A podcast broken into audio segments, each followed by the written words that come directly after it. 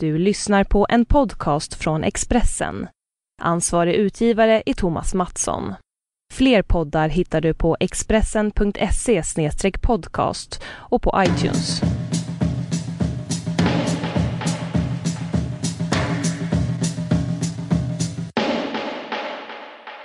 Hej! Hej! Läget? Jo, det är bra. Det är jättebra. Ja, vi börjar spela in eh, Juicebaren imorgon. Ja! Så jag har varit på set och eh, bråkat med Tommy X.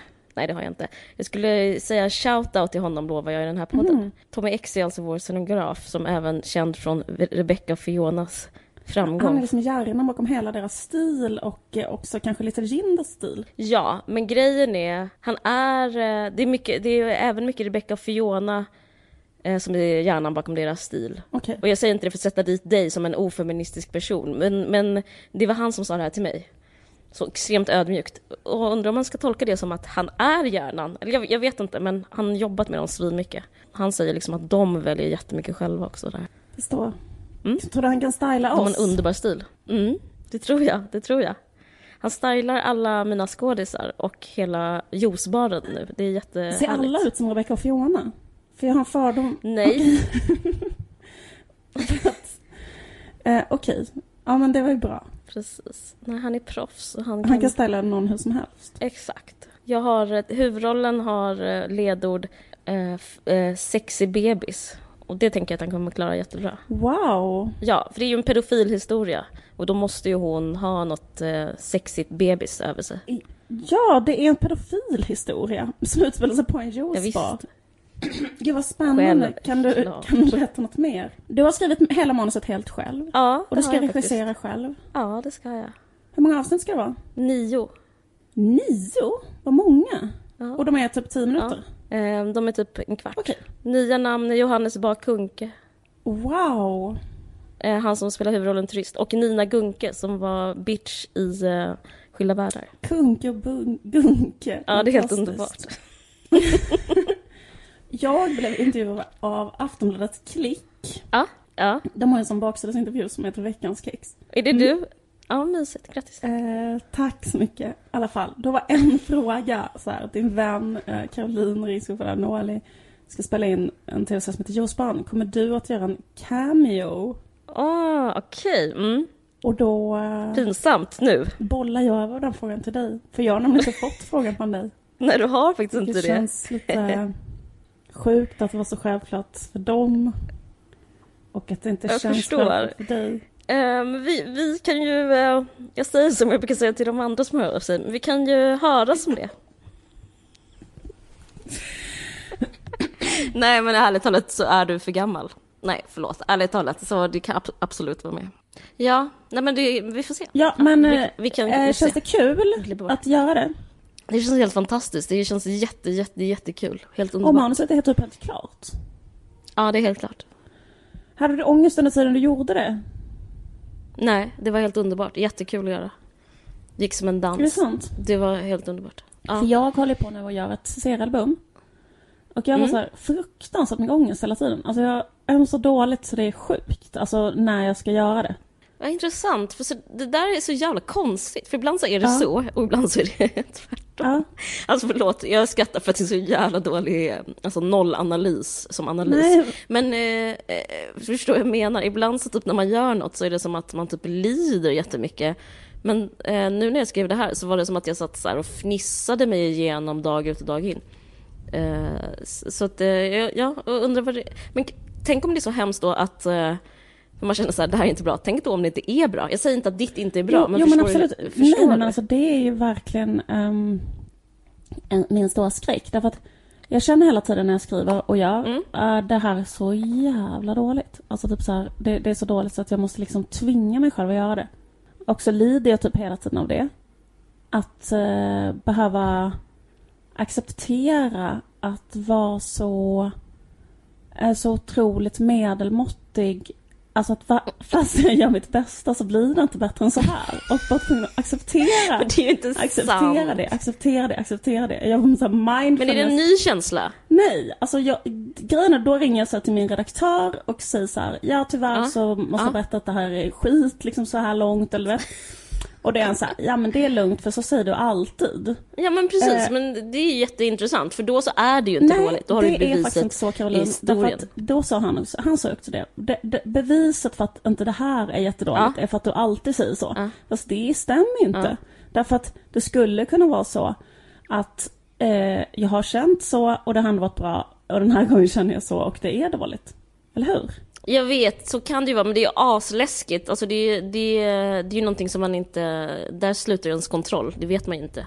Men det är ju det, det är högst sannolikt att det är exakt som det varit innan. Det vill säga jättebra, men att du typ eh, har lite dåligt självförtroende av någon anledning.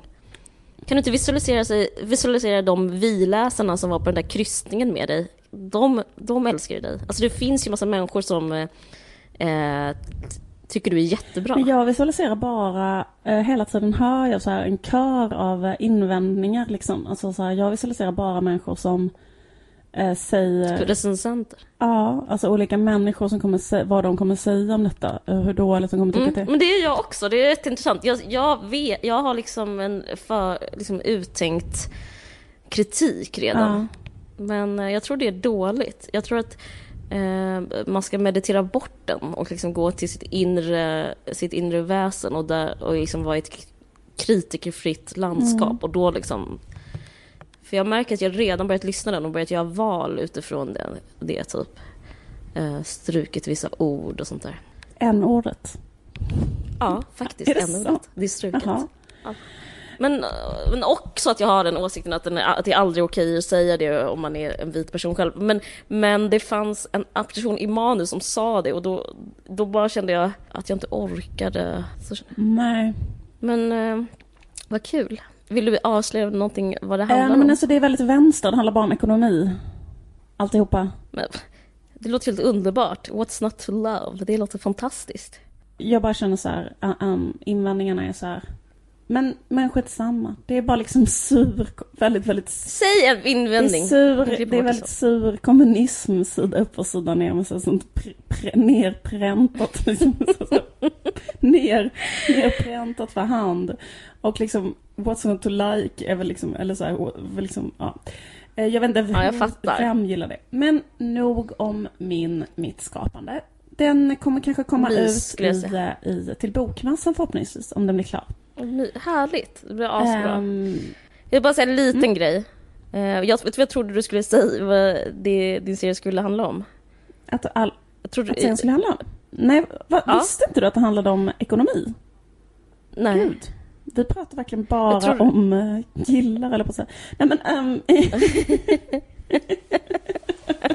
Jag visste ju inte att du gjorde serier en gång. exakt. Nej. Det kom som en nyhet för, för dig. Så kul att du ska göra ett seriealbum. Ehm, nej, men jag tänkte så här att du, att du skulle säga det här, för det är bara för att jag sett så mycket på Nyhetsmorgon när jag ammar, så brukar jag se jag ska, det här, jag ska inte prata om att jag ammar, men jag bara så, alltså, det har varit så mycket om de här Panama-papperna, så tänkte jag så här, men ja, det var det tråkigaste man kan göra. Jag förstår om hon, om, hon, om det handlar om det så känns det lite svårt, Ja. skulle jag säga. Men, eh, det, men ja. Har du, har du hängt med i den debatten? Debatten, Eh, nyheten? jag liksom inte så, inte jättemycket måste jag säga. Jag måste säga en Japp. sak om det. Eh, som är att eh, det, det liksom kallas den största, Läckan. eh, det största avsläckan någonsin. Ja. Men det, det roliga med det är att det, att det är liksom det största, alltså största konkret största, alltså det är mest papper Ja, någonsin. Inte det, inte det så Jo. LOL att de liksom pratar om att det är så himla många ja, dokument. det är som Alltså, det är inte 11 som att det- miljoner dokument eller sånt där. Ja, men typ att det fyller upp typ ett, eh, en hel sal av papper, alltså helt i materia. Men det är liksom inte så man brukar mäta en nyhet, Nej. men det är så alla presenterar det, vilket är väldigt roligt. Eh, men jag har börjat få aggression, jag tror att det, det har varit en sån tjusning, alltså det går som en sån, ett, en vissling genom Stockholm och Rapport och Aktuellt och hela radion och alltihopa. Att alla, alla är så himla kåta just nu, alla så journalister, jag vet inte om du har liksom tagit del av det här? Att det är sån, sån upphetsad, det är viktigt att vara journaliststämning. Typ murvlar Ja, ja, kan, ja. så, så är det Mm. överallt. Eh, men jag känner av, jag, jag, jag vill bara förutspå en liten backlash Mm. på det här. Eh, för jag känner redan, jag känner typ för allting är ju berättelser, det här har vi pratat om innan, eller jag kanske Mm. brukar prata om det. Att så här, ja, det här är också en slags storytelling. De, massa journalister över hela världen träffas och liksom sitter där med sina så här eh, uppkavlade skjortor och, och liksom eh, slår sina kloka huvuden ihop liksom. Fine, det är liksom romantiskt. Men, eh, och då är liksom de the good guys och sen så sätter de dit eh, the bad guys som är så Putins eh, män och statsminister i Ja. Island och så vidare, Nordea och så vidare. Eh, men ju fler intervjuer jag ser, det, det är så himla typiskt så här grävyrket, grävjournalistyrket, att det är bara killar. Jag vet inte om du känner till Alltså, har du sett vilka som är med? Uppdrag granskning kommer ikväll om det här. Det är liksom bara, bara män. Ja. Och, att man, och att det är liksom... Det händer något med en till slut efter liksom tionde intervjun. Att man blir... Eh, man, jag har börjat liksom heja på Islands statsminister. Alltså man man har börjat liksom... För de är så jävla självgoda. De, det, det är så, ja, de tycker det är så viktigt och de är så grävande att man blir så... Uh, man, bör, man börjar hata män helt enkelt. Och man börjar hata ja, journalister. Jag vill bara... Jag bara undrar om du liksom haft samma känsla? Ehm, nej, jag har inte alls den känslan. Alltså jag skiter totalt i, jag har inte alls feminism, alltså min feminism funkar inte alls på det sättet. Jag tycker liksom att eh, om, om, alltså jag, Att det är ja viktigt. men liksom vad fan. Ja, men det är det. Det säger handlar jag om, inte. Alltså skattepengar för typ, jag kan inte så många nollor du vet, som de här rika svinen liksom sätter undan på en, en, en minimal ö och, eh, och eh, liksom, då, då skiter jag liksom vilket kön de har som, som avslöjar det. Det viktiga är att de här Absolut. människorna Det som håller jag är med män, alla de också, som gör de här grejerna, eh, får bli liksom, vad heter det, släpade tillbaka in i, ja, follan precis. och eh, att de ska pröjsa eh, och, och, och, och, följa lagen som alla andra människor som liksom sliter som fan för att så här, vi ska kunna ha liksom förlossningsvård. Men det är det jag, det är det jag, det är det jag menar, att det, det är så självklart. Alltså det finns en sån... Det är liksom som att de... Jag, jag försöker bara säga att jag är missundsam mot de som har gjort knäcket. För det är en sån röda matta nu. Alltså det är liksom en upphetsning utan det, Ja, jag, jag liksom, det är en upphetsning men håll med mig också om att det inte görs typ någonting heller för att sådana här saker inte ska hända. Jag menar för det första, varför har det absolut. hänt från början? Att det måste vara så jävla bristande kontroll. För Ja. det andra, liksom, varför Nu det finns det med skatteparadis? Alltså förstår du vad jag menar? Alltså, var, alltså, det, Varför finns det brevlådeföretag? ja, varför får det, alltså, vet, så här, alltså allt det, Varför varför, kan man inte göra det något under offshore? kontroll? Eh, varför inte det reglerat? Varför finns det inte straff? Alltså allt sånt där tycker jag. Så att jag menar, även om de Ja. där journalisterna röda mattan så tycker jag liksom att de där människorna, de här ekobrottslingarna har ju också röda mattan för de eh, behöver ju aldrig jag, menar, jag tror inte det kommer hända Självklart. tyvärr särskilt mycket utifrån efter det här heller. För jag menar de där, Nej, de det där eh. Cayman Islands och de är ju kvar och ja, ja. Absolut, jag, jag, jag håller verkligen med dig. Det är det, och det är det som gör de här killarna så oantastbara. Så att det, man kan inte klaga på dem. Eh, och det får mig att eh, hata dem. jag men, men de gör en fantast, fantastiskt jobb, absolut. Nu tvingar till och med jag det att säga de, de har gjort ett något fantastiskt. det är det jag menar. Du, det är roligt att du illustrerar exakt vad jag sa.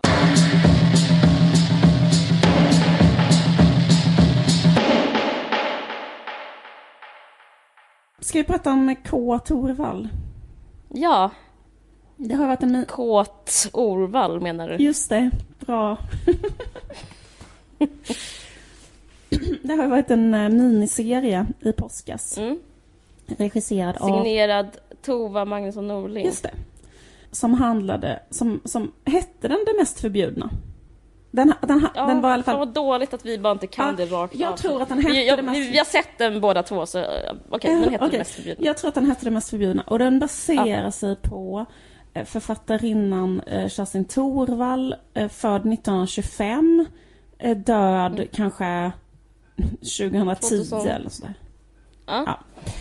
Eh, Give or take. give or take. Och ehm, ja, den baseras på hennes eh, roman, Mm. eh, Det mest förbjudna, som är kanske hennes, eh, som säga, hennes stora verk. Typ. Alltså det var den boken som eh, skilde henne från, från ungdomsförfattare till vuxenförfattare. Ja. Och det är väl också den som än idag på något sätt eh, är den liksom stora grejen. Jag gillar även att skjuta arbetare. Jag tror att den också är rätt så praisad. Men eh, Den, har- den har, den, den, jag tror liksom nästan att den, man, man på ett sätt kan se dem som en svit. Eh, För hon skrev Ja. senare, skrev hon så här, när man skjuter Ja. arbetare som handlar om hennes uppväxt och sen i skuggan Ja. av oron så fortsätter om hennes uppväxt och sen det mest förbjudna kan man nästan säga som del tre. mm, Som, som handlar om henne som vuxen. Så de är ju ganska självbiografiska även om det ju är såklart romaner. De heter ju, Mm. alltså hon heter ju till exempel inte Kerstin i boken och så vidare. precis heter Anna i boken. Ja. Jag har precis slagit upp Lyrikvännen från 2010 där Caroline Ringskog och Freda Norli har skrivit om Kerstin Thorvalds. Det Wow, läs. Jag undrar hur sexigt, sexet med Kerstin Thorvalds fruk- första make var. Kerstin Thorvalds... Nej, jag orkar inte. Snälla, det var Eh. jättebra. det var jättebra inledande. Hon var klädd i en blå ylleklänning med vit krage som passade när man var gravid. Hon sydde om det till urring, urringad, klippte av ärmarna, visade leverfläckarna på svällande armar på Konsum i närförorten. Hon band ett sidenband runt magkulan i ylle. Så gjorde man inte då, man skulle dölja. Det var 50-tal och att bara vara i hemmet var inte konstigt. Att vänta på sin man som skulle komma hem från jobbet, vara rädd, få piller utskrivna och bli gravid igen och vara livrädd igen. Åh fy fan. Vad bra, vilken bra författare Skri- hon är. Det är jag som skrev det här. Alltså du skrev det, det här var inte ett citat från Ja. boken. Nej, det är citat från min artikel. Ja, gud vad bra skrivet, vilken bra författare du är. Tack. Det var skrivet som en, ehm, det var som en thriller typ. Ja, visst. Ja, men jag skrev om den här, jag blev så fruktansvärt påverkad av det mest förbjudna och eh, fick frågan. Och jag tror jag liksom skrev om den, jag twittrade om den jättemycket. Eh, så himla modernt. Och då så fick jag frågan av Lyrikvännen att skriva om en essä om det mest förbjudna, så jag gjorde det. Eh, för att eh, jag, jag blev så påverkad av hennes eh, ångest. Ja. Och som jag, som jag skrev om det här lilla stycket också, att jag upplever att det mest förbjudna är en bok som handlar om att vara livrädd, att må, må Ja. så dåligt. Så att... Um, Det handlar om ångest ja. handlar Ja. om ångest. Gud vad intressant. Hur gammal var du när du läste den?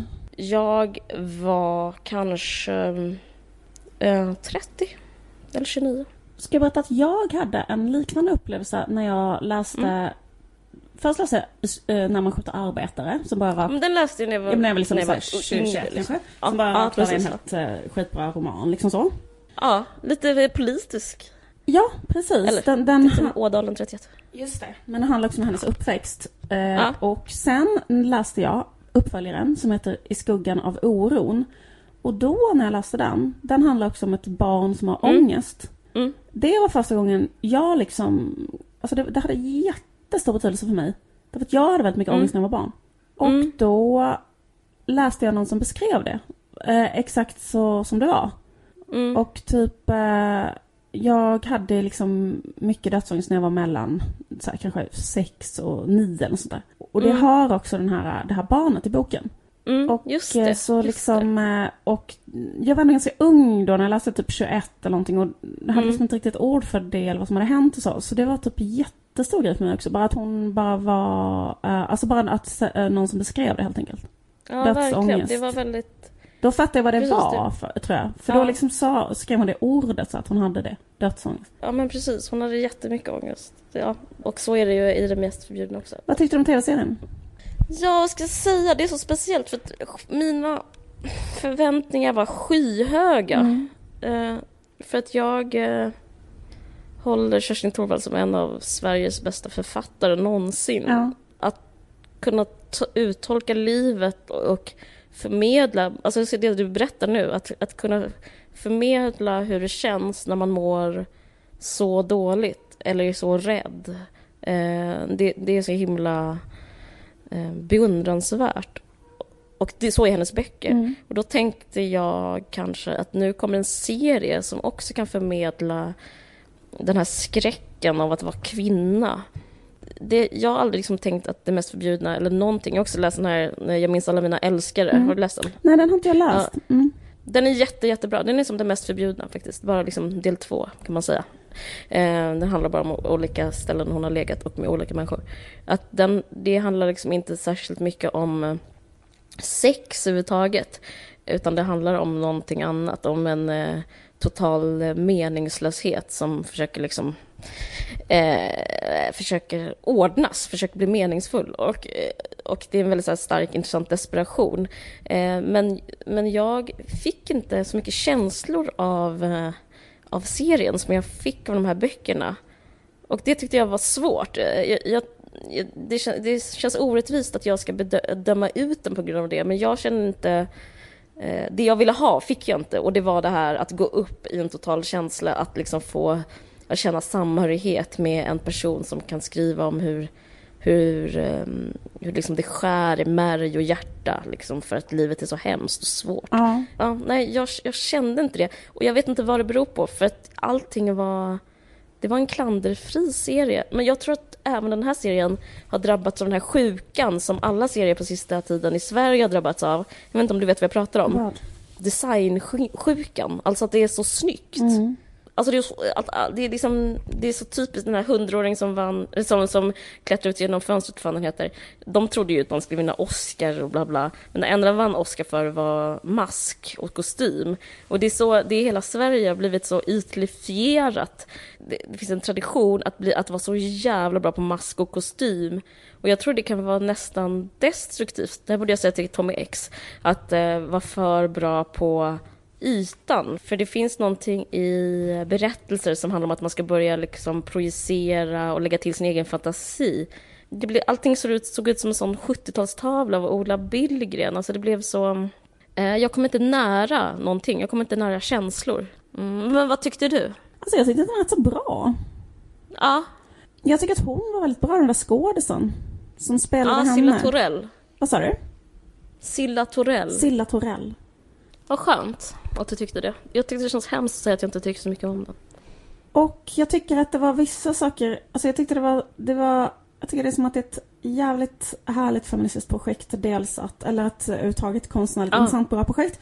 Att man tar upp liksom, Verkligen. liksom allting så här, och, och att man tar upp henne och att man gör det till en sån här påskspecial. Att det handlar om, och sen tycker jag liksom just att, att det är en kvinnlig regissör och att jag tycker att det märktes att hon hade liksom ett feministiskt bildspråk på många ställen. Jag tänkte på att hon visade så full frontal nudity på eh, den här mannen Ja, eh, flera gånger. Och det tycker jag liksom aldrig att man ser. Alltså Kerstin Thorvall, eh, karaktären, hade en eh, helt alkoholiserad älskare som hette Sven i, i sista delen. Om ni bara Mm. vill spola fram till full frontal nudity av Sven. Nej men då är han helt naken och ligger med så slak kuk och bara är liksom naken och så bara filmar Mm. och så är han bara där hela tiden på det sättet. Och, och, det, och det tänker jag att man inte att man inte brukar filma mäns kroppar på det sättet så mycket och sådär. Och, eh, så, så, så jag tycker det finns många sådana grejer som jag tyckte var bra. Eller intressanta. ja men det hade något. Tror hon är inspirerad av Lena Dunham? Ja, det är hon säkert, men... Jag fick så här Lena Dunham-vibb, även på hur hennes egen, alltså själva Kerstin Thorvalls nakenhet var också sådär uh, bilring, uh, osmickrande läge, Just det. så här ser jag ut. Precis, men samtidigt så är ju Lena Dunham så himla, liksom, om man ska säga någonting om Lena Dunham så är det så att det finns ingen som är sån sinnessjukt typ mästare på att göra sexscener som Lena Dunham. Mm. Ingen kan göra så bra sexscener och det, ehm, Det är sant. det är liksom hennes eh, totala specialitet.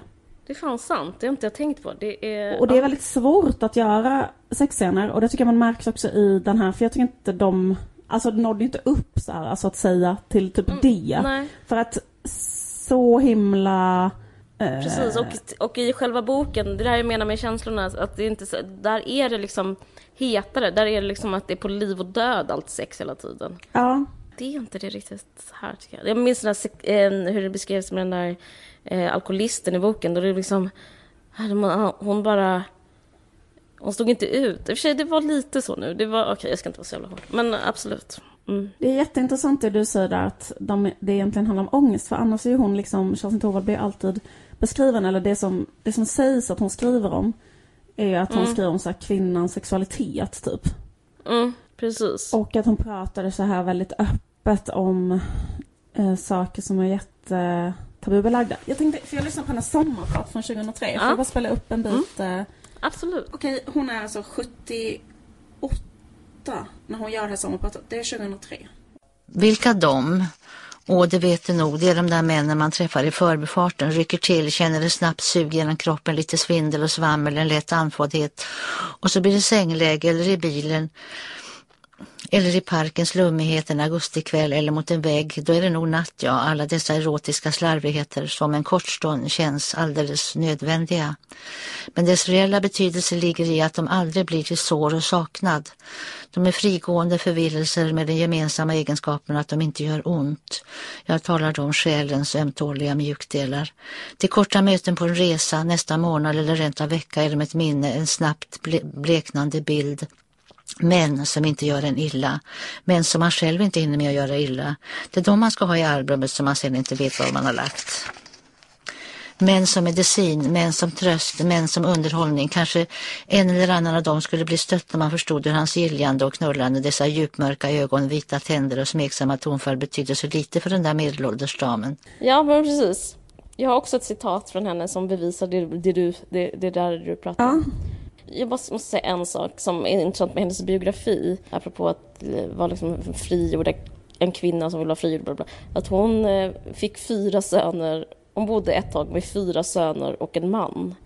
Så, så extremt eh, så minipatriarkat. Ja. Jag, tror hon kan, jag, tror det kan kännas jävligt svårt. Får, får jag bara säga en pytteliten ja. sak om det? Alltså, sönerna, för det var en sak som jag fundera lite över i uh, filmen då. För den, ja. den hade ju flätat in, den måste jag också ha flätat in sonens berättelse. För hennes son, jag tror det är Gunnar ja. Falk, som har skrivit en egen bok typ om sin uppväxt med henne. Ja. För uh, han var ju väldigt framträdande och var med och liksom hans syn på saken var hela tiden med liksom. Och um, nu är inte jag taskig mot de här barnen. Men det är också någonting med att de är så fyra söner och att de är så himla arga på sin mamma för att hon beter sig sådär. Ja. Och att om den nu bara ska basera sig på det mest förbjudna, på själva romanen, ja. då borde det bara vara hennes berättelse om det. Fast Verkligen. de har liksom flätat in också barnets då liksom berättelse. Det är som att man skulle göra eh, en filmatisering av, av eh, Stig Slas eh, roman, kanske, säg en Slas roman. Ja. Och sen eh, föra in hela tiden att hans son var jätteledsen och arg för att eh, hans pappa var bara en jobbig, eh, bräkande alkis som bara tänkte på sig själv. Mm, som han har skrivit en bok som går ut på det. Ja, som heter Blåbärsplockaren. ja, precis. Eh, mm. Jag menar inte alls att, alltså, alltså grejen är att det, det handlar så himla, nu tycker jag det handlar väldigt mycket om så här, var hon god eller ond? Vilket är en totalt irrelevant fråga. För att det handlar ja. om konst. Ja, ja. Eh, berätt, läs Nej, men jag tycker, ditt... Nej, men jag tycker det är intressant det du säger. Jag tycker det... Men varför gjorde de det? Jag fattar inte det. Jag vet inte faktiskt, men det var väl ett sätt att... Um... Det som, det som är intressant, som, för jag såg det här med min kille. Mm. Det är intressant. Nej, jag ska, det är inte det jag skulle säga som var intressant. Utan, men vi pratade om det sen och eh, då pratade vi om vad som skulle vara... För, för de presenterar hela Kerstin Thorvalds värv som att hon var banbrytande. Om att så här, hon gör det mest, hon gör det sjukaste. Hon skriver om att tjejer, så här, kvinnor är kåta och har sex, bla bla bla. Mm. Men eh, jag skulle nog... Men det hon gör som är tabubelagt är egentligen inte det, utan det är väl att hon eh, utelämnar sina barn. Ja. Eh, och han frågade mig, vad skulle vara idag att göra, liksom, bryta tabun idag? Vad skulle liksom vara det mest förbjudna idag? Hon utelämnar sin mamma jättemycket och sin pappa och mm. sin familj. Och grejen är att det som är intressant skulle jag säga är att det är en evig fråga. Det är typ det som är det mest förbjudna idag också. Är det inte det? Att lämna ut sina barn? Ja. Ja, verkligen. Eh, att, eller att vara en så dålig... Så här, det handlar inte så mycket om hennes, som du sa innan, det handlar inte så mycket om hennes så här, hon är en kvinna, hon har sex. Eh, utan det är liksom, eh, det är inte det som är grejen. Alltså, jag, jag tänker inte så här, tack för allt du gjort för feminismen, utan jag, jag tycker bara hennes eh, författarskap är extremt intressant. Och eh, nu så är ständiga referensen för 2010-talet är eh, alltså litterärt, är ju Knausgård. Och det är liksom exakt samma grej. Varför, varför är det en stor grej? Det är också för att han utlämnar Linda mm. och hela sin familj. Och, alltså han säljer ut det riktiga livet och det är det hon eh, håller på med liksom, som, som ett liksom, konstnärligt experiment. Ja. Men men jag tycker nästan det är förminskande att kalla det feministiskt Ja. också, om du förstår vad jag menar. Men För det är liksom inte att hon vill eh, driva fram en kvinnorättslig Nej. fråga, utan hon vill vara helt fri i sin konstnärlighet. Ja. Och, eh, och för att kunna berätta vad hon vill berätta. Och så gör hon det, och så är det svinbra text. Eh, men, Alltså hennes frigörelseprojekt, exakt. Jag tycker också det där är jätteviktigt att det är så jävla bra text. Därför att det är också en sån grej Ja. som helt faller bort. Men typ om man läser det så är det så himla bra skrivet. För det hade inte varit bra om det var någon som eh, berättade alla de här grejerna fast eh, berättade det liksom eh, dåligt. Eller fattar du vad jag menar? Mm. Det är för att han är så bra Nej men precis. på Det, handlar, yrke, precis, liksom. det finns ju ingen eget värde i att någon säger så här, jag har haft sex. Nej. Eh, och hon, ingen, det är ingen som blir känd på det heller. Så det är så här, det, det är så tankevurpa om man får vara så eh, överlägsen. Men, men för, att man, för nu, ser det, nu diskuterar det väldigt mycket typ att vad skönt att hon sa att tjejer också typ har sex. Eh, och då blir det som att eh, då, då, liksom, hon, hon konsekvent liksom fort... Det är som, det är som massa gatekeepers kring så här, vad som är litteratur. Det var ju hela den grejen, den diskussionen då, att det inte var litteratur, att det var kärring, eh, snusk och Ja, bekännelselitteratur. Ja. Precis, den, eh, jag tror att det myntades liksom med, jag ska inte säga tror, för det blir, låter så oseriöst, men, men det myntades med henne att, eh, ha så här, att bekänna och vara vittna. Ja. Och sen så liksom är det, om, så färdas det med kön, för sen som en man gör det så blir det, det blir så superintressant och typ eh, publiceras i USA, alltså typ Knausgård. ja. Men eh, hon var före, så kan man säga. Hon, hon, var, hon, var, hon var nyskapande. Verkligen. Ehm, hon är ju helt eh, brutal. eh, liksom Ja. eh, utlämnar sin mamma och Ja. sina barn och att hon är en dålig mamma och en... Ja, och det är ju samma tabu fortfarande. ja, det är ett jättestarkt tabu att vara det. Eller liksom att... ehm, Men... men också är det ett tabu att vara att vara så svag som hon är. Ja, Och beroende av män och beroende av liksom då sexuell bekräftelse och eh, helt eh, utlämnad, liksom gå hem till den här eh, Sven och liksom bara hela tiden välja i- fel. Ja, exakt. Eh, eh, han typ ligger med en annan tjej och hon sitter kvar i tamburen och vägrar gå och de måste ringa polisen och så för att hon ska gå därifrån. Och, alltså så hela tiden. Ja, det var väldigt bra. Det var fint. Men det tycker jag var bra av Toa Magnusson. Alltså det var en, star- det var en bra gärning att uh, skildra svaghet. För det är också lätt att tro på håll att hon skulle vara stark på något sätt bara för att hon har en uh, bibliografi, alltså Kerstin Toa. Ja, just det. Nej, det, det är hon ju verkligen inte alls. Fast hon är ju ändå stark på något konstigt sätt. Alltså, hon, hon har ju något liksom Ja. superdriv. Liksom. Hon, hon har ju någon sån jätte... Alltså att hon liksom bara har... Jag menar, kolla hennes Hon bibliografi. Hon kanske har skrivit liksom... Jag vet inte hur många titlar hon skrivit. Så här 50 titlar. Alltså hon har skrivit så fruktansvärt mycket böcker. Ja. Ehm, och liksom ibland så flera om år. Att någon skriver så ungdomsböcker. Alltså det är ändå väldigt... Plus kanske då var journalist, plus kanske ett modetecknerska, plus alltså Mm. allt möjligt. Hade fyra barn. Ja, Hon drack ingenting. Undrar om det kan vara lite av en... eh, förklaring. Fördel. Ja, hon hade jättemycket ångest och drack inte. Ja, just det. Nej. Läs det som du skulle läsa när hon har fått barn. Det är, bara, han, det är bara ett bevis på att hon har ångest. Ja. Att hon är ångestdriven. Var är det någonstans? Just det. Jag läser vad jag har skrivit. Mm. Hon drack inte, rökte inte, tog inga droger. För hon visste att hon var konstituerad med ett löst psyke. Alltså, boken handlar jättemycket om att hennes pappa har, är, liksom, Han är- lider av en sinnessjukdom, kallar de det. Vad sa du? Ja, precis. Vad är det hennes pappa? Är det att han är um, schizofren eller är han bipolär eller? Jag tror, jag tror att han är bipolär, Ja. manodepressiv. Ja. Och, den, och det går hon liksom och bär på hela livet. Att, eh, så hon går hela tiden parerar det. Mm, Så därför vill hon inte dricka och inte röka och inte ta droger. just det. Eh, eh, Efter ett tag är det svårt som läsare att vara fryntlig och gasta om fri kärlek när hon själv, själv nästan gick under av vad som objektivt inte var något särskilt. Ensam i hemmet med en nyfödd i en närförort en tisdag. Hennes man ska komma hem klockan sex. Och då skriver hon det här. Jag är ensam i ett rum. Rummet är runt och har många fönster. Jag är ensam i det, i det rummet. Det kommer en svart fågel. Hans näbb är hård. Han skrattar. Här knackar på alla fönster. Runt omkring mig knackar en svart fågel. Runt omkring mig skrattar en svart fågel. Jag springer runt i runda rum. Fågeln flyger runt. Han knackar på mitt fönster. Han skrattar. Han är mycket stor. Jag vet, han kommer slå, jag vet att han kommer slå sönder mina fönster. Hjälp! Alltså det är hennes feeling när hon går omkring där med, sin, med sitt nyfödda barn. Det är sån jävla ångest. eh, Hon, hon verkar lida så jävla mycket. Mm. Det är så jävla bra text. det är så Ja, bra det är bra. Starkt. Fruktansvärt kul att höra så bra text. Mm. Ehm, Det här är från eh, hennes dikter som kom ut. eh, eh, en sån samlings... Jag är en grön bänk i Paris. just det.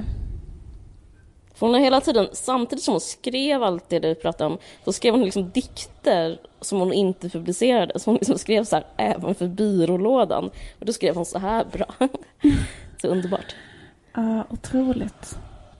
Det har ju funnits en eh, diskussion, eller har varit en debatt, eh, till exempel Mm. Lydia Prajsovic och eh, Fredrik Virtanen, båda de två har skrivit att de kritiserar den här serien för att de inte tog upp aspekten av Kerstin Thorvald, att hon också var liksom sexturist, eller så här hade mm. Mm. Mm. Liksom, grejen är så här att den här serien utspelar sig Alltså, Den mest förbjudna kom ut 76, så det måste ju vara typ så här Mm. 74 till 76 eller någonting som, som, den här, Mm. som det här händer. Och hon är... Och sen, om jag har förstått saken rätt så utvecklades det här att hon började åka till Västafrika. Um, liksom kanske 12, eller den här Svart resa som handlar om det. Mm. Eh, Den kom ju ut 87, så det är typ 12 år senare. Så, men jag vet inte riktigt. För, för jag minns inte exakt i det mest förbjudna. Men var det så att det Nej. också förekom eh, sexturism från hennes sida i... eh, Jag blir, grejen är att den- i och med att det mest förbjudna påminner så mycket om eh, eh, eh, den här som jag sa innan, eh, Jag minns alla mina älskare, och där är hon på Kuba bland annat. Ja, Så jag blandar ihop dem nu när jag tänker på det. Så att jag vågar faktiskt inte ta, vad heter ta blod på, ta ed på. Ta, skitsamma, jag vågar inte svära på, ta gift på att eh, att, eh, att hon inte köper en nej, manlig hora jag- när hon är på jag Kuba minns- 75. Precis, för jag minns att jag har läst om att hon eh, köper sex eller ligger i alla fall typ i ett exotiskt landskap. Ja. Men det kan fan vara, det, det, det är nog som du säger, det är nog i eh, Jag minns alla mina älskare. Ja, precis. det någon För, för, dam för, hatt för jag funderar faktiskt, för att också? jag tänker att, eh, att den kritiken lite är alltså typ att många har velat liksom säga att man borde ha... biografi. Ja, för om man bara kollar på biografin. För jag Ja. vet också just den här händelsen när hon var på Kuba. Då... När hon var på Kuba första gången, vilket var då Ja. 74, 75 kanske. Då eh, har hon ju eh, relation med två olika så här Expressen, typ en Expressen-murvel och en annan. Och det har hon också pratat om i sitt sommarprat, just det att hon inleder en typ utom äktenskaplig affär med en svensk så här, som hon träffar Mm. på Kuba som hon sen fortsätter träffa i Sverige typ. Så, men det är möjligt att hon i och för sig också redan då även hade någon relation med, med en kuban, det vet inte jag. Ehm, men annars skulle det kunna ha varit en invändning mot att kräva att, att eh, det skulle ha tagits upp i den här serien, att det kanske inte ens var aktuellt i just den boken, att det var för tidigt liksom. Nej, det borde ju någon ha skrivit. Eh, har de fått mothugg? De? Nej, jag skulle kunna dem mothugg ifall jag hade det exakt på fötterna att det mest förbjudna inte riktigt handlar om det. Att det kommer senare i hennes liksom liv. Mm. Eh, kommer i Jag alla, tror du har rätt. jag tror det kommer in som en större del i hennes liv. eh, Definitivt när hon blir liksom över 50. Eh, För då, En an... Ja. ja men säg. Nej, men ett annat, ett annat argument mot det är att eh, man kan inte kritisera konst för vad konst inte är. Alltså det är så jävla...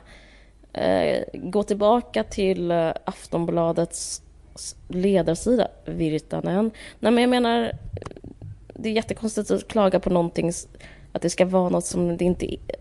Förstår vad jag menar? Ja. Det är typ så här eh, att man pratar om kanske nattvarden och Leonardo da Vinci men man bara, men varför eh, eh, finns den inte svartvitt. Nej, det är inget bra exempel. Eh, men förstår vad jag menar? Att den är, Varför finns den inte är, det är vad det är. Och man får, då får man kritisera färgerna istället för att liksom Förstår vad jag menar? Att det blir så konstigt och det är så jävla svenskt. Att liksom, det är som att man inte får berätta... eh, Det är kanske är en annan historia, det är kanske är nästa historia. Men den här historien berättar, just liksom, berättar ju inte det, den berättar ju vad den berättar. Jag tycker det är väldigt, väldigt konstigt att... Eh,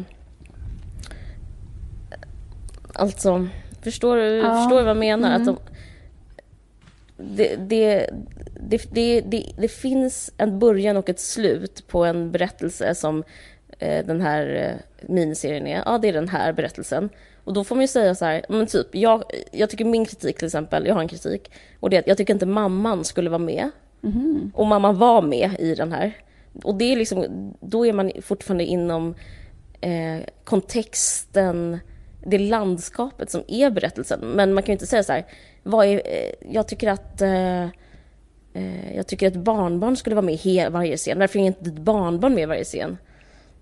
Förstår du vad jag menar? Det kanske inte funkar. Ja, fast jag inte riktigt. Jag, jag kan ändå liksom, i och med att det ändå var en ganska stor del av hennes liksom... ehm, jag tycker ändå att Jo, men det är ett Lydia- konstnärligt val. Ja, det är ett konstnärligt val men då skulle man kunna liksom kritisera det konstnärliga valet för att så medvetet utelämna något som skulle kunna eh, svärta ner henne. Eller så här, för om man säger att det var ett feministiskt frigörelseprojekt som var behjärtansvärt och moraliskt uppbyggligt för kvinnor Mm. att berätta att kvinnor har också en sexualitet och att eh, Mm. sådär.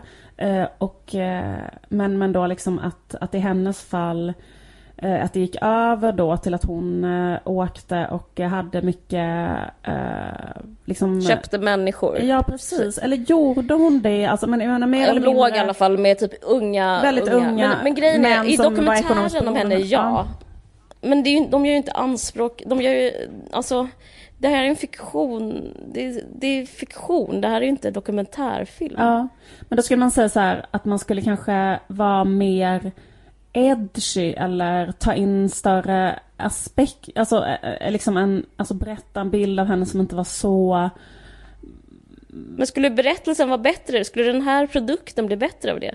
Ja men typ så här, säg att eh, i de här scenerna där hon är gammal och barnbarnet är med Ja. så är också en afrikansk man i den här lägenheten och är papperslös och har inga pengar. Alltså förstår du vad jag menar? Jag vet inte. Ja, jag förstår vad du menar. Men jag tycker att det... Um, det jag jag tycker inte, som sagt, det går inte att eh, klaga på något som inte finns. Man måste klaga på det som finns. Det är jättekonstigt. Det, och, och det, så länge inte det är en dokumentärfilm, så länge inte det är ett nyhetsinslag. Jag tycker det är väldigt... Eh, det, är så, det är så yxhugget sätt att se på konst. Mm. Eh, det kan ju vara så att eh, Tova Magnusson Norling fick en feeling. Den feelingen ville hon förmedla och den kanske inte kom, hade kommit fram om hon hade dragit in något sånt eh, redovisande projekt om eh, vem hon låg med och hur. Och det, hon, hon kanske inte alls fick, ut, fick inga utslag på hennes, med, hennes radar. Alltså, Tova Magnusson kanske kände igen sig i att sitta och gråta i en hall och då liksom måste hon berätta det istället. Men då Jag kanske, vet de, eh, då men då kanske liksom, om man så här, skriver in den här Kerstin Thorvald-dokumentären i en större kritik av liksom vit feminism där man så här, kanske så här, hyllar Kerstin Thorvalds eh, eh, liksom som en feministisk ikon och eh, inte bryr sig om att hon har eh, Mm. varit helt blind för så här, sina vita det är, privilegier. det är upp till betraktaren. Ja. Det är ju inte eh, upphovsmannens fel. Jag tror att problemet är som alltid att det finns för få berättelser om kvinnor. Så att därför, typ, om det kommer en berättelse så, blir, så tänker, tänker folk, alltså typ eh, extremt så här, fyrkantiga människor som Fredrik Virtanen, tänker, då, då ska liksom den berättelsen innehålla allting. Man kan göra en till eh, film om Kerstin Thorvald, en annan regissör kan göra det, och som har det här som tema i sitt konstnärskap, att prata kanske om Eh, jag vet inte, typ prostitution. Jag vet inte, Ekis kanske kan skriva en litterär novell, whatever. Men det är så konstigt att eh, det är som att man får en chans som kvinna och då ska den, eh, då ska den vara så duktig och eh, heltäckande. Jag tycker det är ett väldigt eh, skralt, alltså det är liksom som en, det är så fattigt. Alltså kan man inte bara göra ett myller av massa berättelser så kan någon handla om sexturism. Jag vet inte.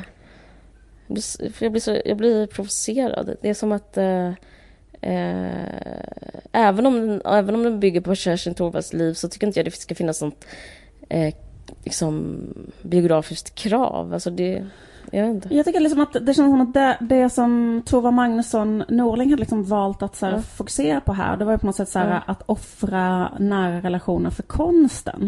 Typ Ja. att Exakt, jag tror att det handlar om henne. Först så gör eh, liksom Kerstin Thorvald det i, i, i, Mm. i, i, i berättelsen. Och parallellt finns det en, en annan historia där sonen nästan gör samma sak som, som Kerstin, nämligen gör en utställning där han berättar fruktansvärda minnen från sin egen Mm. barndom och då liksom kommer den äldre Kerstin dit och liksom står inte ut med det och tar Mm. ner bilderna och känner liksom samma smärta som förmodligen då hennes egen mamma kände när hon läste så här, vad, vad hon Mm. skrivit det mest förbjudna. Att, liksom, att det är så en släkt där, där alla väljer att så här, Precis. offra typ. Eh, Man sätter sin familj på ett altare som, som man offrar för konsten. Ja. Och sen så finns det en metaläsning som, eh, som är lite, vet du eh, inte så kosher, men som jag läser in och det är Tova Magnusson Norling som regis- kvinnlig regissör offrar sitt eget liv, för det är så himla svårt att vara kvinnlig regissör, och hon har barn, och att hon gör det här filmen, eller serien överhuvudtaget, är också liksom att eh, välja konsten framför kanske ett eh, vanligt yrke som är, alltså det är så otroligt Ja. mansdominerat yrke. Så att liksom, jag tror att den handlar om, alltså den handlar om henne jättemycket. Och, men den, den tolkningen eh, är liksom inom parentes. Men den finns där, när jag såg det så tänkte jag faktiskt mycket på att vem det var som var avsändaren. Liksom. Ja. Nej men vad skulle du säga om det i förhållande till sexturismen? Eh, nej men jag vet inte, men jag tycker att, uh, att Lydia Pejsovic skrev en sak i sin text som jag tyckte var intressant. Så här, och det var, vänta nu ska jag citera helt korrekt. Mm. Eh, ja men varför det där med sexturismen ändå är, varför det är intressant att ta upp. Mm. Hon, hon skrev så här, Torvald var osmakligt och maxat upptagen av sin egen frigörelse och det fanns aldrig plats att ta hänsyn till någon annans. Mm. Jag bara tyckte det var en ganska bra iakttagelse för det hänger liksom ihop på något sätt eh, också tycker Mm. jag. Det där med eh, synen på sina barn och synen på eh, sin mamma och synen på Andra människor. andra liksom. människor överhuvudtaget. Och även de här, alla, alla de här männen och så. Att, att det liksom är... Men absolut, men det håller jag Att med det liksom om, att konst- alla var till för henne. Vad sa du? Alla var till Ja. för henne, men, men det är ju fortfarande hennes biografi. Ja. Jag tycker inte det finns ett krav på att ta Nej, med nej. allting. Vad, ehm, har du något mer att säga om henne? Ja, ja, men jag säger om produkten. eh, För överlag så vill jag liksom... Jag, jag, jag känner mig sur när jag tänker på det. Jag- Att man måste skilja på produkt och verklighet. Och, eller produkt i ordet, alltså konst. Konstnärlig ko- produkt alltså. Eh, alltså verk och verklighet. Det är olika saker skulle jag säga. Men, men en sak apropå eh, verk och verklighet som, eh, som störde min eh, eh, läsning av serien som, som tyvärr gjorde... Alltså, alla snackar om det här med sexturism. För det är ju verkligheten i sexturismen Mm. och i eh, serien, så det är inte det. Men en annan sak som är verkligheten är att, eller som i serien, är att hennes mamma bodde med henne hela tiden. Mm. Och det tyckte jag var eh, liksom en psykologisk eh, felaktighet i, eh, i berättandet. För att Kerstin Thorvalds böcker handlar jättemycket om eh, en- den totala ensamheten. Mm. Som jag var inne på det lite innan, att allting hon gör hela tiden är att försöka så här, upphäva ensamhet. Och men ingenting hjälper. Inget hjälper, ingenting. Barn hjälper inte, jobb hjälper inte. Hon bara skriver böcker, hon bara skriver dikter, ritar jättemycket, eh, träffar män. Eh, lalala, och eh, hon har ingen. Men nu var det som att de gjorde henne och det, för mig är det ett jättestort quoi, att de gjorde henne som en otacksam tonårsflicka. Och det tillhör inte biografin överhuvudtaget, att hon bodde med sin mor. Nej. Hon, hon, och det gjorde hon aldrig, hennes mamma bodde aldrig hos henne. Ja. Och, och, eh, och nyckel till, till vem hon är och berättelsen om henne är just ensamheten. Så det kan jag, det tycker jag är psykologiskt, eh, eh, det klaffar inte psykologiskt för mig. Det var ju jättekonstigt scen där att mamman skulle komma in när hon hade sex med den där Sven och liksom stå och stirra Ja, på henne och säga så här, nu får du faktiskt skärpa dig och så här. För det var också så här, för det första, då var hon kanske 50 år och eh, skild Ja. och levde ensam. Hon, hon eh, Alltså det, det, Ja. det förvånar mig, eller, ja, eller det var så Ja, det, står, det nämns inte. Nej. Jag har ju läst den här boken Mm. som baseras på, det står inte någonstans om, att, om mamman som... Mamman var inte där, hon bodde typ i Norrland eller vad fan hon bodde. Mm. Eh, typ, vet inte, Örnsköldsvik. Nej men jag vet inte, någon helt annanstans. Mm. Så det skulle vara konstigt. Eh, en annan eh, liksom, förståelse av Kerstin Thorvall som jag tycker är väldigt intressant nu, nu ska inte vi prata så mycket om mitt moderskap, men eh, jag tänker jättemycket på att hon var ensam barn.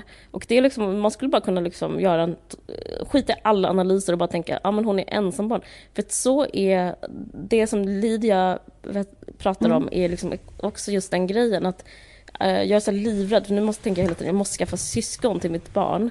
För att annars blir hon eh, ett vidrigt ensambarn. Och hur är då ett ensambarn? Jo, de, exakt som Kerstin Thorvall. Att man tror, man, man tror typ att allting tillhör en själv. Liksom.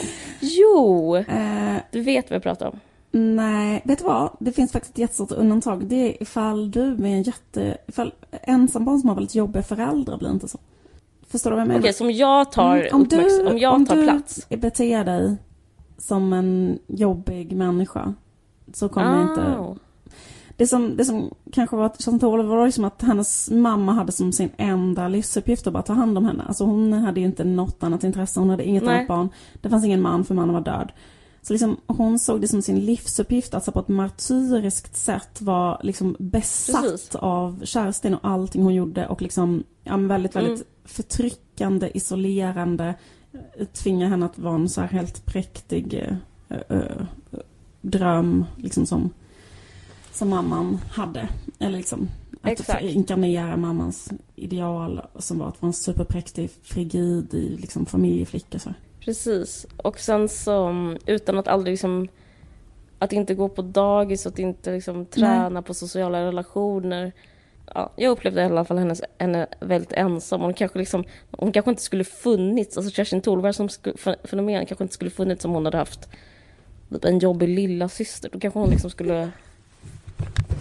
Ja, det är både bra och dåligt. Jag bara tänkte på det. Gud, vad mycket ensambarn som kommer höra av sig nu.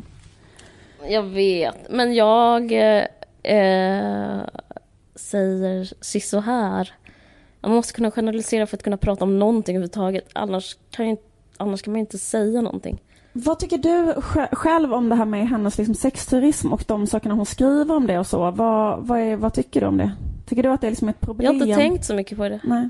Jag tänkte typ ehm, att det var bra berättat när jag läste. Eh, för det finns ju liksom en eh, så moralisk eh, upprördhet kring det som är så här att eh, hon, alltså att det är double standards liksom att ifall hon hade varit man och eh, betett sig så så hade det varit så här eh, så hade feminister kritiserat det men nu bara för att hon är en kvinna så kritiserar inte folk det så.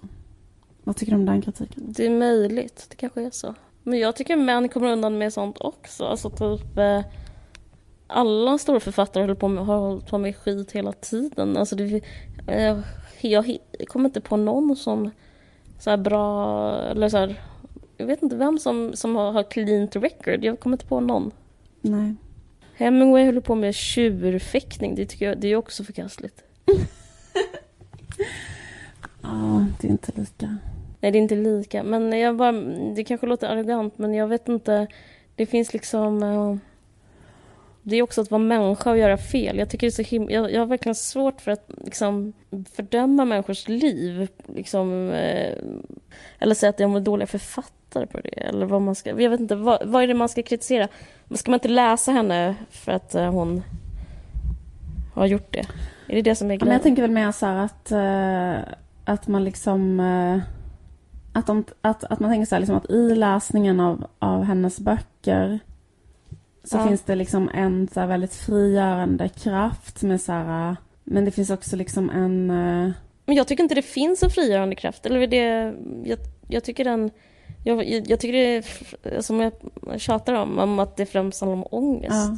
Och att det inte är ett feministiskt projekt utan det är ett, eh, liksom, vad heter det? brut, ett brutal, en, en brutalt konstnärligt Ja. projekt. Ett, hä- något, det handlar liksom kanske om hänsynslöshet. Ja, just det. Men vad tycker du? Ja, men jag, eh, jag tycker faktiskt att det är så rätt så intressant just det där med hennes, hennes eh, liksom syn på, eller just eh, hennes så här, ganska så här koloniala liksom världsbild och, och hur hon skriver utifrån Mm. det. Och så, här, så jag tycker liksom ändå att, det, att det är någonting som, som är intressant och värt att undersökas. Däremot så skulle jag bara vilja säga typ så här, en sak som jag tycker, jag ser att folk har skrivit så här, eh, på flera ställen Mm. som jag skulle vilja invända mot det är liksom att folk så här, likställer så här, kvinnor som åker till Gambia med så här, män som åker till Thailand. Så Mm, att det är just samma det. sak. Det har också läst. Och typ så här att eh, om hon hade varit en man som åkte till Thailand och liksom bara hade typ random sex med prostituerade och eh, kanske Mm. så. Eh, eller hade så girlfriends hit och dit och bara pratade om hur typ trång fitta thailändska kvinnor har jämfört med västerländska eller något sånt där. För hon pratar också om sådana saker, typ hur stor kuk um, män i Västafrika har och sånt. Mm. Nej men så bara vill säga så här, som den jämförelsen att jag fattar liksom inte hur den kan få florera. Därför att eh, Nej. det finns ändå eh, det finns liksom likheter men det finns så himla stora skillnader också. Så, så, Verkligen. två jättestora skillnader. En stor Säg skillnad är att kvinnor som har relationer med män i Västafrika och Gambia, alltså äldre vita kvinnor som liksom köper sex eh, av, av yngre män, Mm. de har ändå en, eller har relationer, så så boyfriend-relationer, de så köper allting till den personen och så, i utbyte mot sex Mm. och kärlek. Så. Eh, de har ändå liksom en, eh, ett underläge som är att en struktur som fortfarande existerar, exempelvis så här våld mot kvinnor och sexuellt våld. Mm. Och ehm, så här, jag vet inte. Men jag, nu har jag bara anekdotisk bevisföring, men liksom, ja, det förekommer ju i, eh, i, i sådana relationer såklart, lika mycket som i, i vilken relation som helst. Men jag menar att så här, Mm. mannen har ett fysiskt överläge och en aggressivitet och kan misshandla kvinnan. Mm. Eh, och det händer inte att en thailändsk fru misshandlar sin eh, svenska man på det sättet. Nej. Ja, det var första exemplet. Och andra exemplet är så med sexuell, alltså ägandet av sin egen sexualitet. Mm. Att liksom, det här är också anekdotisk bevisföring, men eh, en, en sak som jag verkligen har, eller som jag tänkt flera gånger med just så här, den relationen när en vit man åker till Thailand, köper en thailändsk fru och åker till Sverige och har henne här. Då liksom Mm. har jag aldrig sett, alltså, och, så, och sen så motsvarande exempel då när en äldre kvinna åker till Gambia och gifter sig eller tar hit en så här, ung Mm. yngre kille. Jag har typ varit med om det flera gånger att jag så har träffat så här, man är ute på så här klubbar och hit och dit. Och träffar kanske unga killar från Västafrika som har kommit hit på det sättet och bor med en äldre kvinna. Men Mm, de absolut. är alltid ut, eller jag ska inte säga alltid, detta är anekdotisk bevisföring men det Mm. verkar som att de har större tillgång till sin egen sexualitet, till exempel är ute, ligger med andra, ganska ofta är otrogna, liksom har kommandot på ett sätt över sin egen sexualitet. Och det har jag aldrig stött på att jag sett så här, thailändska tjejer vara ute och ha sin svenska gubbe hemma och så vara ute och ligga så här och ha själv en egen sexualitet på det sättet. Eh, så, alltså, det, det var bara de två grejerna jag ville säga. När folk så slentrianmässigt jämför det, för jag tycker det är så jävla konstigt att göra det. Jag tror du skulle säga en annan sak som jag ska göra nu. Förlåt, fast jag är väldigt övertyd, övertydlig. Ja. Men det som är en skillnad, eh, varför det inte går att jämföra överhuvudtaget, är ju att eh, utgångsläget är annorlunda. Alltså för att eh, vi lever i en maktordning. Alltså, alltså att allting runt omkring, det handlar inte bara om den egna relationen med en man, mellan en man och en kvinna, utan det handlar om den relationen den existerar, eller den kontexten relation existerar som är, förlåt för övertydligt, men att vi lever i eh, patriarkal maktordning. Och så är det. Mm. Därför liksom finns det en slags eh, motvind Ja. eh, som, eh, som kvinnor stöter på. Det är liksom det som är själva liksom, eh, det här strukturella förtrycket som, eh, som eh, man håller på att kämpa mot. Alltså det är liksom, det är, det är på den scenen som det här utspelar sig också. Ja. Så det, det liksom går inte att ta bort det från det går inte att ta bort de här relationerna från den typ av struktur. Mm. Så att liksom, eh, det, är, ett a- så bara- ja, det är askonstigt att jämföra det överhuvudtaget. Precis. Samtidigt Det- det som, snabbt. eh, eller ja precis, samtidigt som det är så här, eh, liksom såklart helt förkastligt totalt fucked up att liksom byta sex och kärlek mot pengar på det sättet som de Ja. kvinnorna gör. Obs, understryka det. Men, ja, men absolut, men det alltså det, det, just, vad man säga?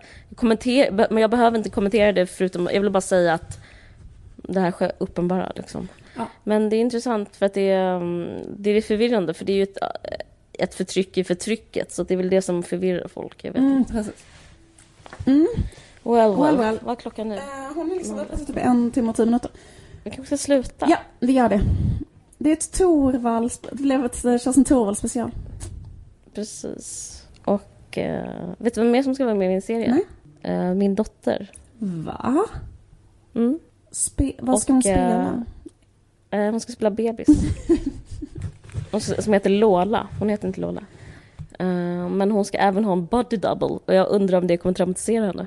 Varför ska hon ha en body double? För att, Exakt. Det är det hon kommer fråga mig. Varför dög inte jag? Men är det för att man alltid måste ha två bebisar för att uh, bebisar är så svåra och... Nej, men hon ska ha en docka. För att eh, hon kommer vara med i ett slagsmål. Oj! Hon ska slänga in här bebisen. Uh, vad spännande. Hur kommer det sig att du skriver om en juicebar just? Eh, för att eh, jag gick in på en juicebar och det var så himla trevlig stämning. Och så började jag tänka på att jag saknade den här eh, att titta på tv som handlar om att bara ha det trevligt med kompisar på en, ett, på en bar. Typ som Cheers eller Central Perk i Vänner. Och så hade jag fått se frågan för SVT om jag ville göra någonting. Så sa jag, men jag vill göra det. Ja. En feelgood-serie som är som Cheers fast man dricker inte öl, man dricker juice istället. Fast det är också en pedofilhistoria och en bebis kommer bli kastad. Ja, den handlar jätte, jätte, jättemycket om eh, Alltså främst handlar det jättemycket om vithetsprivilegier. Det handlar om vita, rika människor som är eh, liksom rasister hur de än gör. Eller liksom, inte rasister, go, den goda rasismen, den goda antirasismen. Det handlar jättemycket om, eh, om vithet helt enkelt. Mm. Det, det kommer bli jättebra. Kul. Oj, jag skulle inte sagt det, nu kommer jag bli slaktad. Nu kommer jag arkebuserad. Ja, men lycka till imorgon. Tack När ska var du ha. sändas? Men du, vad sa När du? kommer det sändas i höst? Höst tror jag. Om inte SVT drar in den. Men... Eh, Okej. har- eh, Var det något annat vi skulle säga? Eh, nej, det har jag inte. Jag ska bara säga en sak om Girls. Mm. Jag ska fråga dig, har du sett den nya serien? Se, eh, nya säsongen av jag har Girls? sett hela nu. Får jag bara säga en sak som sägs om den? Mm. Och sen har jag en fråga. Eh, det, den anses vara den bästa säsongen någonsin. Va? Av vem? Facebook. Jaha. Eh, Jag tycker inte alls det, men jag tycker att sista avsnittet var så bra så att jag typ höll på att tappa andan. Visst var det bra? Alltså det var typ det bästa. Jag liksom, då började min eh, sån här, eh, mitt internet började fucka liksom så att det, det ha- Ja. hängde upp sig hela tiden så att det liksom gick inte att kolla. Så, så jag, jag bara liksom förlämtade och tittade på en cirkulerande eh, boll och sen så kunde jag typ se pyttelite till och sen så liksom, alltså, men så det var liksom så här, men det fick inte mig att så här inte vilja titta utan jag var liksom såhär, måste se, måste se, måste se, måste se, måste se. För alltså det är fruktansvärt bra. Så det var liksom egentligen, tycker jag, värt att eh, det fanns så himla många dåliga avsnitt innan. Ja, jag tyckte det var jättebra. Men jag vill egentligen diskutera det här. Jag skulle vilja uppmana våra lyssnare att titta på Girls. Så, så kan det bli liksom en, sen kan vi prata om det, sen kan det bli liksom extremt så här... Eh, jag vill så här pumpa upp intresset. För det känns som att det har lagts lite... Det är lite, ligger lite latent. Det ligger lite och vilar intresset för Girls. Det är som att man är lite trött på det, men jag skulle säga att man ska inte vara det. För det är... Jag tycker det är jättebra. Eh, jag vill liksom få upp, eh, jag vill få upp diskussionen igen. Ja. Du vill hypa Ett det. avsnitt i den här säsongen handlar om Marnie till exempel och det, det var väl jättebra, tycker du inte? Vilket, vilket av dem? Det som handlar om Marnie, det bara är Marnie. Ja men är inte det det sista? Nej, det är det näst sista. Det sista kom igår. Va? Det finns ett till du har missat. Okej, du menar det om Marnie, visst är det Var underbart? det det jag menade? Det var Ja, liksom det är så, det är så var bra. jag Det, menade. det, det är så rubbat bra. Alltså det var typ helt sinnessjukt bra. Ja. Ja, det var så starkt. Ehm, Ja. Men jag tycker också, jag gillar, en annan sak jag gillar det är den här spegeln, alltså av, um, vad heter det, Hannas kille. Att, eh, Mm. det börjar, alltså att i början av serien så var hon ihop med Adam som var liksom på ytan en douchebag och i, uh, under ytan god. Och nu är Mm. hon ihop med en som är på ytan god och under ytan bara helt svinig och dum. Alltså så här, det tycker jag är ett Mm. kul grepp. Det är så smart, det är så jävla bra gjort Exakt, och så är det kul Jag det är där att alla säger, det är så himla mycket igenkänning där att man är Ja. ihop med en kille så säger alla så här, alltså det är så roligt det där som att man får så dåligt själv, alltså man får så dåligt självförtroende med en sån kommentar. När hon börjar försöka säga något lite negativt om honom. Och så säger alla till Ja. henne så här. Nej men snälla gör inte slut med honom. Alltså gör inte det bara, gör inte det. För att liksom han är typ det bästa du någonsin. Alltså du vet, Absolut, var nu, nu gick det ju bra ändå till slut. så här, snälla gör inte slut med honom. Alltså typ så här för att du kommer typ För Ja. att liksom, du kommer aldrig typ hitta någon bättre än den här personen. Och sen så kanske han har gjo- gjort så himla konstiga grejer. Typ så här. Han har massa nakenbilder på alla sina ex-flickvänner. På sin telefon. Och så är alla bara så här, var hon en berättare? Är det bara så här, nej men jag skulle faktiskt inte göra så stor grej av det. För att så här, snälla bara fortsätt vara ihop med honom. Det är Det är kul. jättekul. Det är totally relate också. För det. Ja, eller hur? Jätte, jätteroligt. Extremt roligt. Ja, Och det är sen, så bra att plocka upp det. och sen... Nej, men, eh, eh, ja, nej, vad skulle du säga? Nej, jag vet inte. Jag bara tycker... eh, ja, jag, jag, jag njuter. Det är underbart. Men, eh, men vi kanske kan prata om det mer nästa gång. Jag, jag är så trött Ja. nu. Vi gör det. Um, Okej, det var kul att prata. Kul att ni lyssnar. Um, ska vi Precis. avsluta med en... Bara en, ett pyttelitet... Uh, en iakttagelse som Kerstin Thorvald har gjort. Ja, kör. Okej. Den här podden gjordes i samarbete med Expressen Kultur och eh, vi heter Liv och Caroline och podden klipps av Moa Lundqvist. Nu lyssnar vi på ett... Vår bok, Vad säg? Säg. Vår bok. vår bok har kommit ut i pocket nu. Så om ni vill ha en riktigt billig bok så kan ni köpa Ja. den. Nu kommer en, eh, en folkbildande iakttagelse från Toris som avslutning. Hej då, Okej. puss puss! Hej, hej. Annars, det vet alla vi flickor som provat, är älskog med italienare ofta en snopet kort affär. Jag menar det som följer efter den långa förförelsepasset. Dimmi quando tu verrai. Dimmi quando, quando, quando.